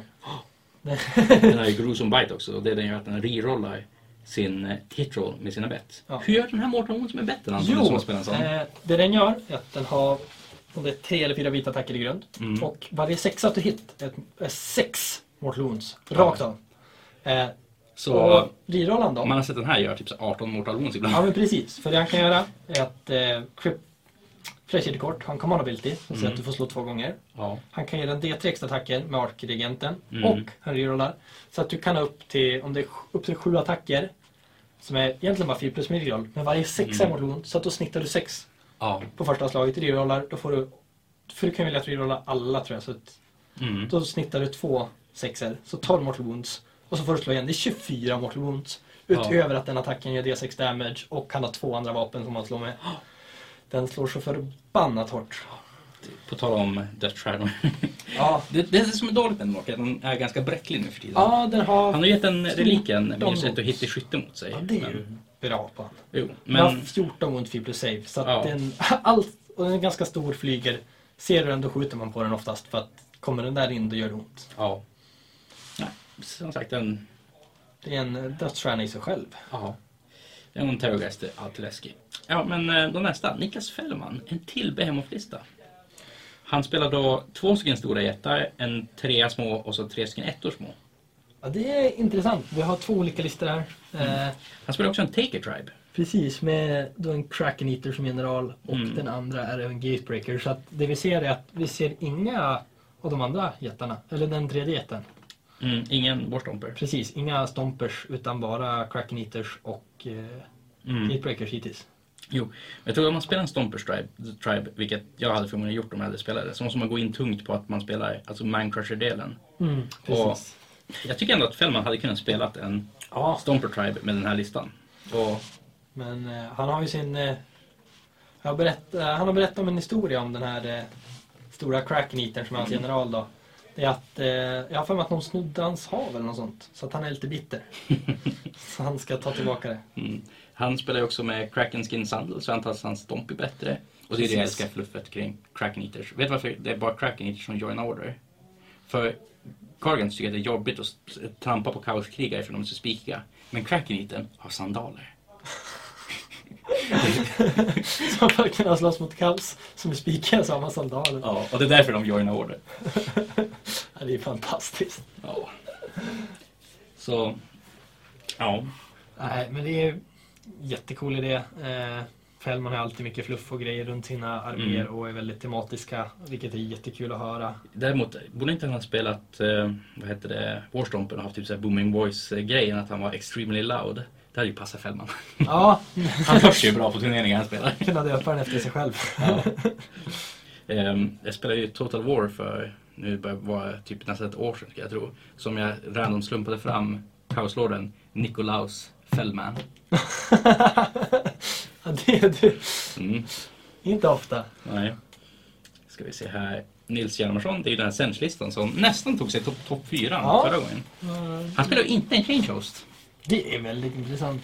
Däremot så spelar han med 20 Sangors, 2 stycken 10 Carrick Acolytes och eh, Pyroframe Cult. Jag tror det är de som gör så att eh, akoliterna skjuter hårdare. Ja, just det. Och så en tre Skyfires, en tre Enlightened. Kairos, Shaman och Eh, Lord Change. Skyfires till fots? Eller är de alltid på disk? Jag tror att de alltid är på disk. Ja, men det låter logiskt med poängen. För annars hade man typ alltid tagit dem på fot så bara skjuter med dem för Ja, verkligen. precis. Fast de slår ju rätt bra också. Jo, men Eller slår de lika disken bra som slår. en lighten. Men disken slår ju bra. Jo. Det är det som har gjort att de är så bra. Eh, det här är ju en... Eh, Jag tycker det är jättekul att se Kairos. ja. Men alltså, spelar med både Kairos och en Lord Change, så man behöver ofta säga antingen eller. De är så snygga modeller. Ja. men det känns som att de tillför lite samma sak. Jo, till listan. verkligen. Eh, det är, Kairos brukar spelas när du behöver att du kan ändra den här tärningen lite hur som helst. Mm. Han är Typ spec- i en Archeon-lista. Ja men precis, han ses ofta i en Archeon-lista. Det som inte vet vad han gör det är att han har en eh, ability som säger att en gång varje tur så får han ändra en tärning till vad han vill. Eh, så att det Är det kan... inte en gång per match? en, ja, det är kanske en gång per match. Så Mm. kan det vara. Ja. Så att, och det kan även vara motståndarens tärning om jag kommer ihåg rätt. Ja. Så att om din motståndare slår en Bra charge, som man Så- inte får komma in, så bara etta. Ja men precis, eller det såg vi nu, såg jag rätt nyligen en kille som spelar Arkean och Kairos. Mm. Han har en 11 tums charge, men han kan garantera en sexa på en av tärningarna. Ja. Så att, Han blev kan som man- en femma på någon av dem. precis, Jo, det här var ju då Battle for Copenhagen på, som man kan se på stream. har jag för mig. precis på TTS, Mm. en TTS-turnering jag tror, om en Wargamer coverar den. Ja. Ehm, men ehm, ja, det finns ju lite horror stories om lite hur Kairos kunde bryta spelet. Men den där jävla sexan sen han la in den. Ja, Det var eh, ju eh, första editionen av Age of Sigmar. Då kan han ändra till vad som helst va? Ja, du kan ändra din tärning till att det ska vara banan. Precis. Och i Skaven fanns det en eh, grej där du slog två d tärningar. Mm, På Screamingbellen. Precis på Screamingbellen, du slog två D6-er. Och så du skrev numret 13. Precis, då vann du matchen. Ja. Och Kairos kunde ändra att man slog 13. Precis, så att med Kairos kan du säga jag vinner matchen automatiskt. Ja. Det var ju någon som vann en turnering på det här viset, alltså på Warhammer World där för mig tyvärr. Och det Ja, var, men det, det, det var så kändes- stupid. Jag, jag tycker nästan att de borde Men någonstans... det här var ju på gå in och- den delen av Age of Sigmar när Age of Sigmar var lulligt och dumt. Ja, men även då tycker jag att någon kan gå in och säga nej, nej men det där är inte okej. Det FAQades ganska snabbt. Ja, det med full förståelse. Men Mm. eh, jättekul att se en eh, annan, annorlunda synslista och det blir spännande att se hur den går. Han är också relativt ny i spelet och han spelade ju jättebra senast så det ska bli jättespännande. Extremt och coolt.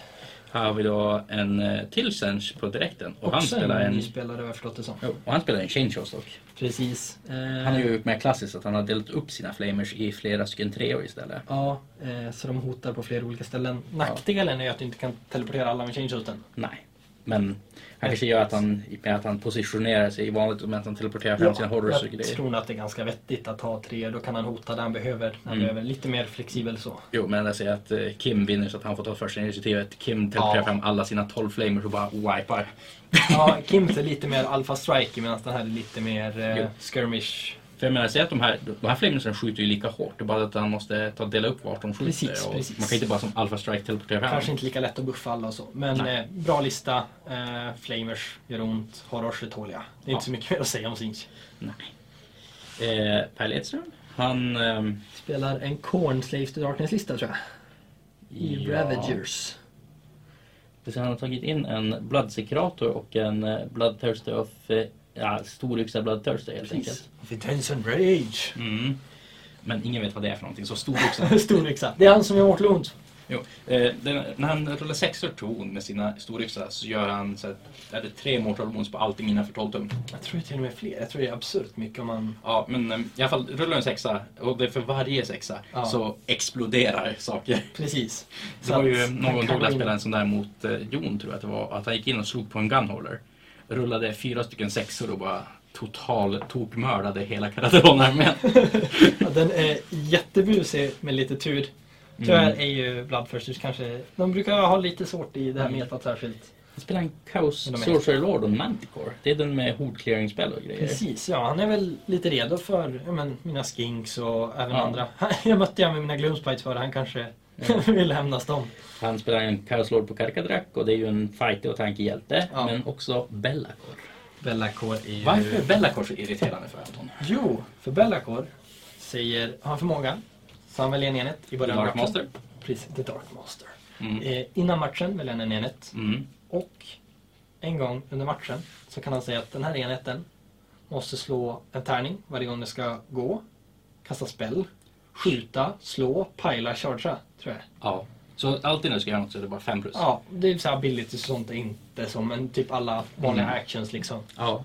Eh, så du måste slå en 5 plus för att få göra det här. Så att Mm. det han säger är oftast att den här rundan, eh, eller fram till, han väljer enligt hero face, Han väljer motståndarens shareface. precis motståndarens hero face och fram till hans nästa, Mm. Så Spelaren. det kan gälla över en hel dubbelrunda. precis. Så att när ni måste få dubblrunda så är den två. Så att du kan shutdowna ner den i till två runder Ja. vilket är helt otroligt. Och det här är ju verkligen Silver Bulleten mot typ Croak och Teklis och den här tjugan Hearthguard och liknande. Ja men precis. Det är ju enda sättet att stoppa Teklis från att autokasta en spel till Ja, exempel. eh, titta på de här stora enheten Flamers, stora enheten Iron Gutsen, Horrorsen som jag har sett. Det är väldigt, väldigt bra mot de enheterna. Ja, Eh, jag menar en som sätter den typ på Terrorgeist eller något. Ja, nej men Bellacor är väl förmodligen Kaos bästa Warscroll. ja men absolut. Eh, spelarna i allt, kanske inte Change Hosten men annars Mm. säger jag allt i kaos vill ha honom. Jag är jättetaggad på att få en ny modell men samtidigt är jag jätteotaggad för jag tror inte han kommer fylla samma funktion i min Nej. bisakeslista längre. Det jag känner är att Bellacor fyller en ganska bra funktion just nu för att han hindrar lite de här eh, stora blocken som Mm. annars kanske blir så extremt dominanta. Ger Kaos en chans när man spelar mot Teklis. Ja men precis. Han buffar ju en hel eh, Allegiance. Och det är väl lite Mm. synd att han kanske auto-occlude men han är, gör, jag tror han gör en bra grej i metat. Det roliga är att han var ju typ inte auto-include före Alltså det började komma de där Teklisarna och Nej, ehm, ja, alltså Kroken och grejer. Att han är ju en sak som har blivit en grej på grund av hur metat har skiftat. ja, men precis. Jag tycker om enheter som är bra mot någonting annat. Som en counter som du tar in för att det här är bra mot det Mm. här. Men det är, ja, nej jag tycker det är jättekul att man har de här eh, countersen. Att, för det är ju ett djup i spelet att man har, ja men du är bra mot det här men du är sämre mot det här. Och att på så sätt liksom, Ja. nej fantastisk eh, warscroll. Jo. Sen så på tal om Dödsstjärnor så har han en 10 med Chaos Knights. Ja, alltså Chaos Knightsen är oerhört tankiga och oerhört s- hårda på att slå. Men däremot har han inte de vanliga buffkaraktärerna. Han har ingen Sorcerer Lord till fots och han har ingen Chaos Lord till Nej, fots. men däremot har han ju Chaos Lord på Karkadak och han har eh, Blood Secretum för han, de är korn va? Ja. Precis, så att då ger han dem extra attacker med flaggan. Jo. Men det är ju samtidigt ingen så här dubbelpile och de får inte så här rerolla Nej. halt och grejer. Men eh, Det är ju fortfarande jävligt bra men jag saknar lite grann de där buffkaraktärerna. eh, absolut, men vad jag har förstått på Per så ville han eh, ta lite mer korn över det hela. Eh, vilket jag tycker är jättecoolt. Mm. Det är lite kul att se att det blir lite, lite mer blod för guden. Ja. Kargas Rapid kör sig. Det är det nya Underworld-slaget kanske. Ja, precis. Då får han ju med någon form av sorcerer. Ja, jag vet inte exakt vad den gör. Eh, sen har han också två stycken spawns. Och det är väl för att offra dem till eh, alltså Ravager. Nej, han spelar Nej. inte. Jo, han, han spelar Rogers. Men Jo, det- men han spelar inte magifaktionen som offrar Nej, skada. precis. Utan vad jag har förstått det så är det för att de ska ja, men, vara lite på objektiv och vara i vägen och lite sådana saker. Mm. Eh, Varför inte? Men ja. det enda problemet med dem är att de lägger ju till två drops till armén. ja, det är ett rop. Det är en enhet. Ja, det är en enhet. Eh, jo, precis. Jag hade väl personligen kanske hellre tagit eh, Antin Beast i den slotten. Mm. Eller faktiskt haft dem i två enheter. Även om du får två med drops så ger de, Kan gör man på de mer mer var ställen. för sig. Precis. Typ såhär man ska backscreena kan man typ ta och ställa ut dem. Men, Ja. så sagt, Mm. de är Antain Beast ganska till. tåliga också så att de... Men att plocka Antain Beast till Ja. hade gjort... Det, det, jag tror att det hade gjort armén mycket bättre. Men jag tror att Antin Beast är väl nästan näst bästa vårskollen efter Bellacor i slutsäsongen. Ja, så fruktansvärt bra. Det är, och Antain Beast, det de gör är att de får göra en pregame move på 6 tum så du tar 6 tum extra av bordet med en screen. Precis, så att du kan screena långt fram, du kan komma snabbt till objektiv. Spelar de i idolators så har du Marauder Charge-grejen Mm. och du kan buffa upp dem lite. Så- Så att de kan göra lite allt, men framförallt är de snabba och täcker Ja. dina med. Eh, Next up har vi då Rasmus Lindgren och här har vi en till. eh, Serafon, men det här är en spännande Serafon-lista. Ja, det är Quattles Claw, det vill säga S- Saurus Subfactionen.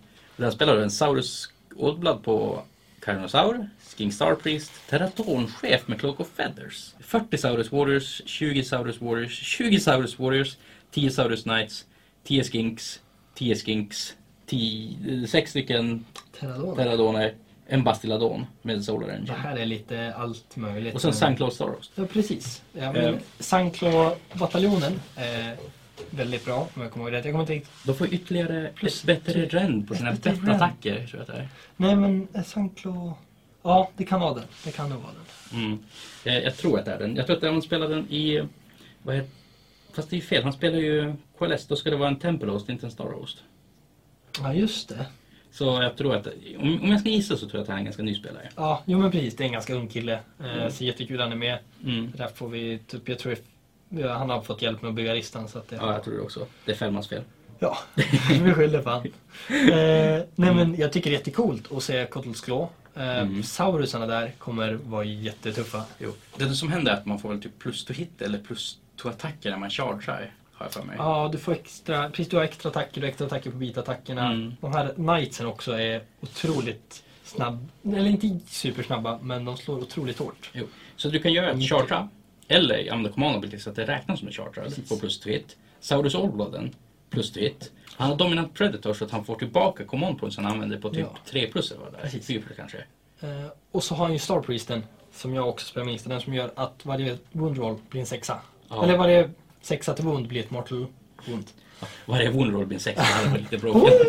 Eh, plus att han har glory på den, som Mm. är en spel som gör att du får rulla ettor dit. Ja. Så att du kan göra absurt mycket i Mortal Wounds i närskydd. Mm. För att du gör- slår så många attacker och Mortal Wounds på 6 wound. Ja. In edition som sagt, så att hans enheter kommer slå förbannat hårt. Bastilladon, bra, skjuter hårt. Eh, han kan inte dubbeltappa den i Kotos Claw. Nej, men det är fortfarande en bastillaton. Ja, precis. Den skjuter nio skott som gör aj. Samt ett monster som kan hålla sig bakåt, ta de där extra monster och behemoth-relaterade objektiven. Mm. Eh, och någonting jag tycker är väldigt roligt i den här listan är Terradon Ridersen. Mm. Eh, och att han har eh, En skin chief. Precis, eh, ter- precis, Teradon-chefen med Clock of Feathers. För Clock of Feathers är att den blir ännu snabbare. Och tankigare. Precis. Och det eh, vad heter de, Teradoner gör är att när de flyger över saker, Så släpper de stenar. precis, och de, måste, de gör det på D3 Mortlons på 4 plus normalt. Och man kan ju också nämna att de gör det bara vid en move. Det behöver inte vara en normal move. Så de kan Precis. göra det på charge, de kan göra det på pile. Jajamän. Eh, och det gör de på en 4 plus i grund, det gör de Ja. D3. Men Teradon-chefen, han kommer bilder som gör att det blir på 2 plus. Mm. Eh, men då måste han hänga med. Och att han har Clock of Feathers gör att han har så stor chans att hänga med, för att de kommer ju chargea. Mm. Så att då vill han hänga med och så ska de liksom kunna chargea över. Ja. Och så kommer de där stenarna. Jo. Och det är också en sån här liten karaktär som man kan som sagt, flyga lätt till på Three Places of Power och bara behålla ett Ja. objektiv tidigt. Men jag tror att det Jag tror att det Serafoner är så pass bra att det här är faktiskt en bra lista ändå. Det här är typ versionen av Serafoner som jag skulle vilja bygga också. Skinks är löjligt. Kör Saurus. jag är ju mer för Skinks faktiskt. Mm. Men eh, fantastiskt god lista. Det menar du inte. Men jag tycker Skinksen är så häftiga. Eh, next up så har vi då Sebastian Rubin. Han Ja. spelar Skaventide. Oh, ja, jag har inte så bra koll på den. Det här är äldre Han listan. spelar... Det här är en Scray-lista rakt igenom. Ja, men det Han har brukar mycket väl vara det man Stormfiends, han har Doom Wheels, Lightning Cannon. Han spelar Scryer-bataljonerna. ser. Oh, Det är grejen med de här är att de är ju skitdyra att spela med. Jag menar, visst det är ju bataljon men 60 poäng, 80 poäng, 60 poäng och... Ja, alltså det blir mycket när man lägger ihop det till så många. Men får får han extra command points och grejer av allt? För det, Jag är osäker. För det är något som man bygger ihop till...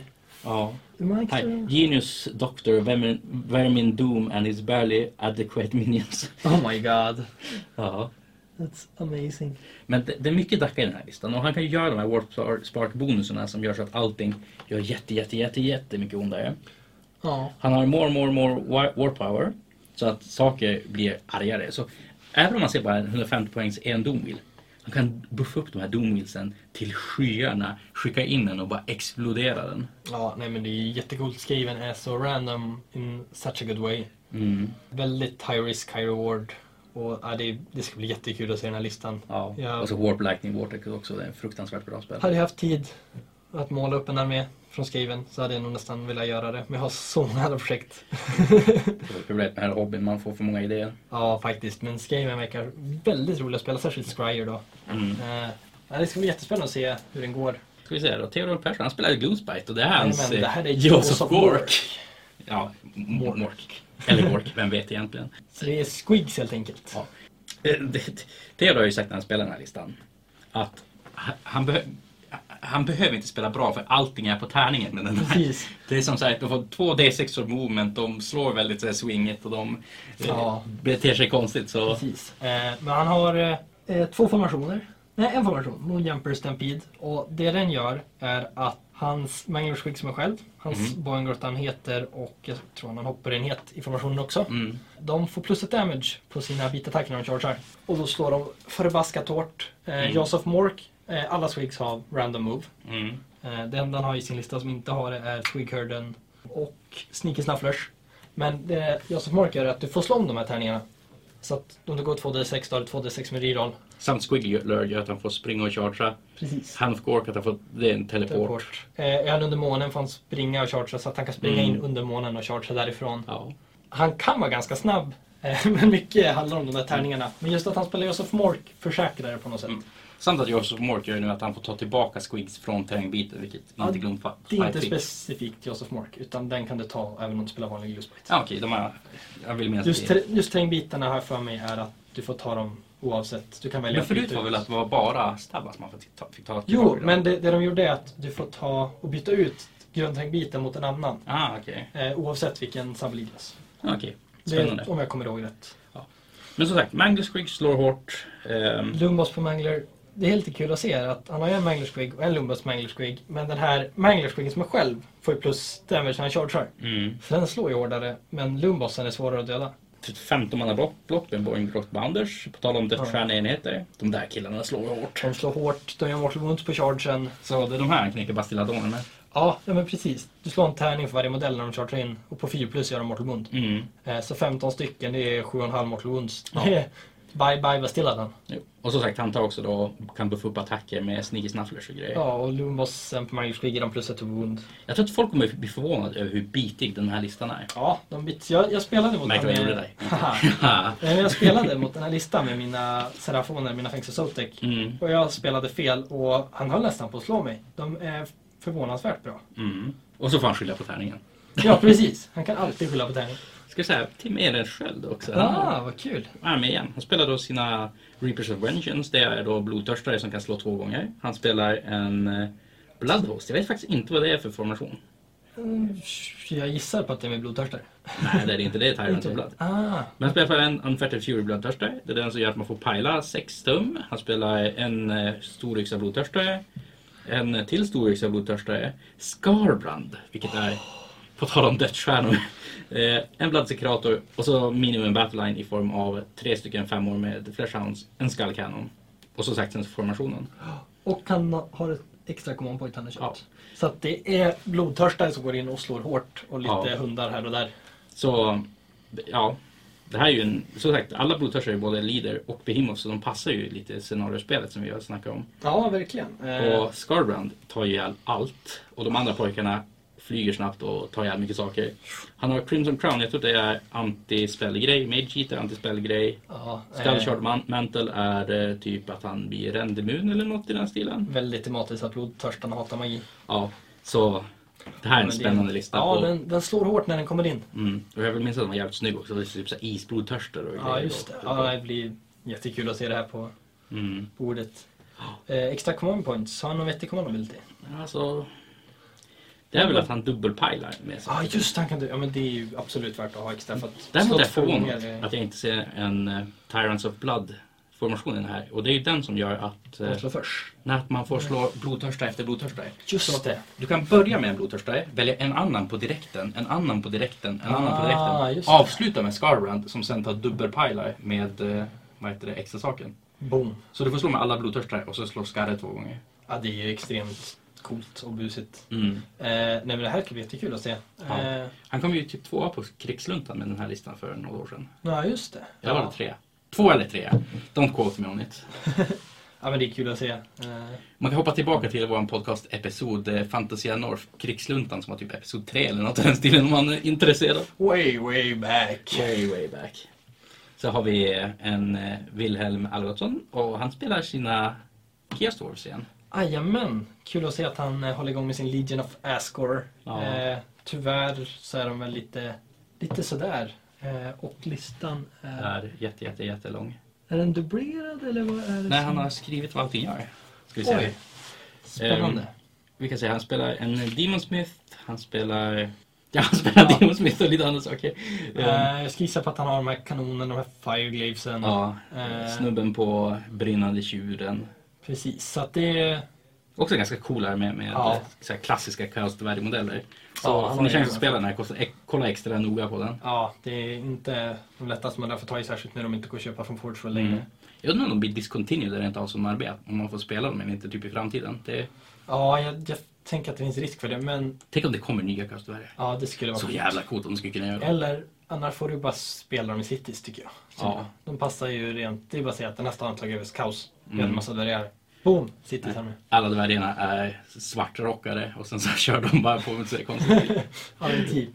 Mm. Eh, nej men det är kul att se en armé som inte är så populär. Eh, det, det är kul att se att den finns. Eh, sen sist ut har vi en till topp 4-armé. Ja, Eh, William med sina Sylvaneth. precis. Han snodde platsen från mig senast. Mm. Mycket besviken på det Anton. Ja, jag var, var tre poäng ifrån. Du borde ha screenat bättre. Ja, jag skulle slagit den här listan med tre poäng till. Han spelade Dreadwood. Jag tror att han spelade Winterleaf förra gången. Ehm, Intressant. Ja just det, han har valt att spela massor med Kernfanters och Ja. ha med två stycken hajar. nu ska ni få höra på tal om dödsstjärnor. Nio Colonel Hunters med liar. Sex Colonel Hunters med Greatswords. Och utöver det här så har han ju två, två, eller två stycken ettor med allopexar som han har Ja. ledat in. Och de, Det är det här Precis. anti-pile-nätet. så att han kör dem med Kernfantersen så att Kernfantersen kan gå in och slå hårt utan att ta alldeles för mycket tillbaka. Så spelar han 3,5 med Spike Revenants och det är ju bara för att hålla objektiv. De teleporterar va? Ja, de teleporterar typ lite hur de vill dessutom. Precis, och jag tror att de ingår i formationen Ja. ja. också. Ehm, han spelar Outcast. Jag vet faktiskt inte vad den formationen gör. Jag har för mig att det är någonting med Revenanterna. Men i alla fall, han spelar också 30 dryader. Han spelar sin, eh, den här klassiska branch raten han spelar med många andra turneringar där han ställer den på en Balewind Vortex och bara tar spammar dryader på dryader på dryader. Ehm, den här listan är ju sjukt alpha striker. Han gör ju samma sak med sin eh, Spite Worm Hive, att han ger plus jättemycket på chargen i sina Current Hunters och slänger fram dem.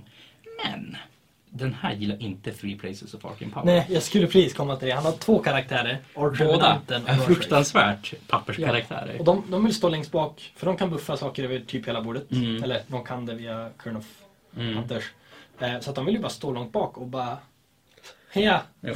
Så ska vi tro att han hoppas på att wipa motståndars armé med de där nio current hunterserna. Ja. Sen promenera fram på objektiven Eh. och hålla. Jag har ju Sorry. spelat en del mot William och det han alltid gör är att han teleporterar ju saker, Curn of Huntersen till en skog och sen har han en 9 tum charge. Mm. Och han slår ju alltid 9 på den här chargen. Oavsett vad så slår han alltid 9. Jag tror att jag har spelat mot han. Jag tror jag har sett han slå det rollet Han säkert slog ju 15 gånger. inte nio på varken Durfy, Drytcha eller sina current hunters i hans och Theodors eh, Ja. tredje platsmatch. Vad sjukt. Nej, men Så för- där tog ut sig då. Ja men precis, jag har sett Men han i det spela. Jag har här sett han fallet slå- Spy- Spy Swarm Hive också som gör så att han får, är det plus tre på chargen? Det är plus jättemycket Ja, på det- chargen på något vis. Fantastisk enlespel. Ja. Mm. Eh, Auto-include som sagt. Och som sagt, även då Three Places of Arcane Power så kan man ju ta och vinna genom att se till att motståndarens karaktärer dör. Och det är ju som också ett legit sätt att spela på. Absolut. Och att han alfasverkar så hårt kan ju hindra motståndarens karaktär från att ens komma fram till objektiven. För jag menar, Han behöver hålla den här rundan mot honom håller roll. men de här nya Current Hunterserna med liar, det är ju faktiskt någonting som skulle kunna ta och sänka det där Iron Gut Pocket. Verkligen. Eh, särskilt om han hindrar dem från pajla så de inte får slå tillbaka heller. Mm. Nej men för att avrunda det hela Anton, i en eh, deathmatch då, vi- vem vinner? 12 stycken Flamers, 9 stycken Current Hunters, en 12 Iron Guts eller en 12 Horrors? Flamersen kanske... Jag tror Flamersen är ganska bra odds. Mm. De skjuter ihjäl saker innan de själva kommer in något. Jo, jag tror att Flamerserna är den som kan, alltså Men har de ihjäl alla horrorsen till exempel? Nej, Jag tror att Flamersen är förmodligen den som är säkrast att spela. Mm. Iron Gutsen är de med överdrivet mest damagepotential. Ja. Sylvanes-snubbarna är de som är bäst på Alpha Strika och eh, Horrorsen är är väl tops. kanske mest allround och bäst på att överleva.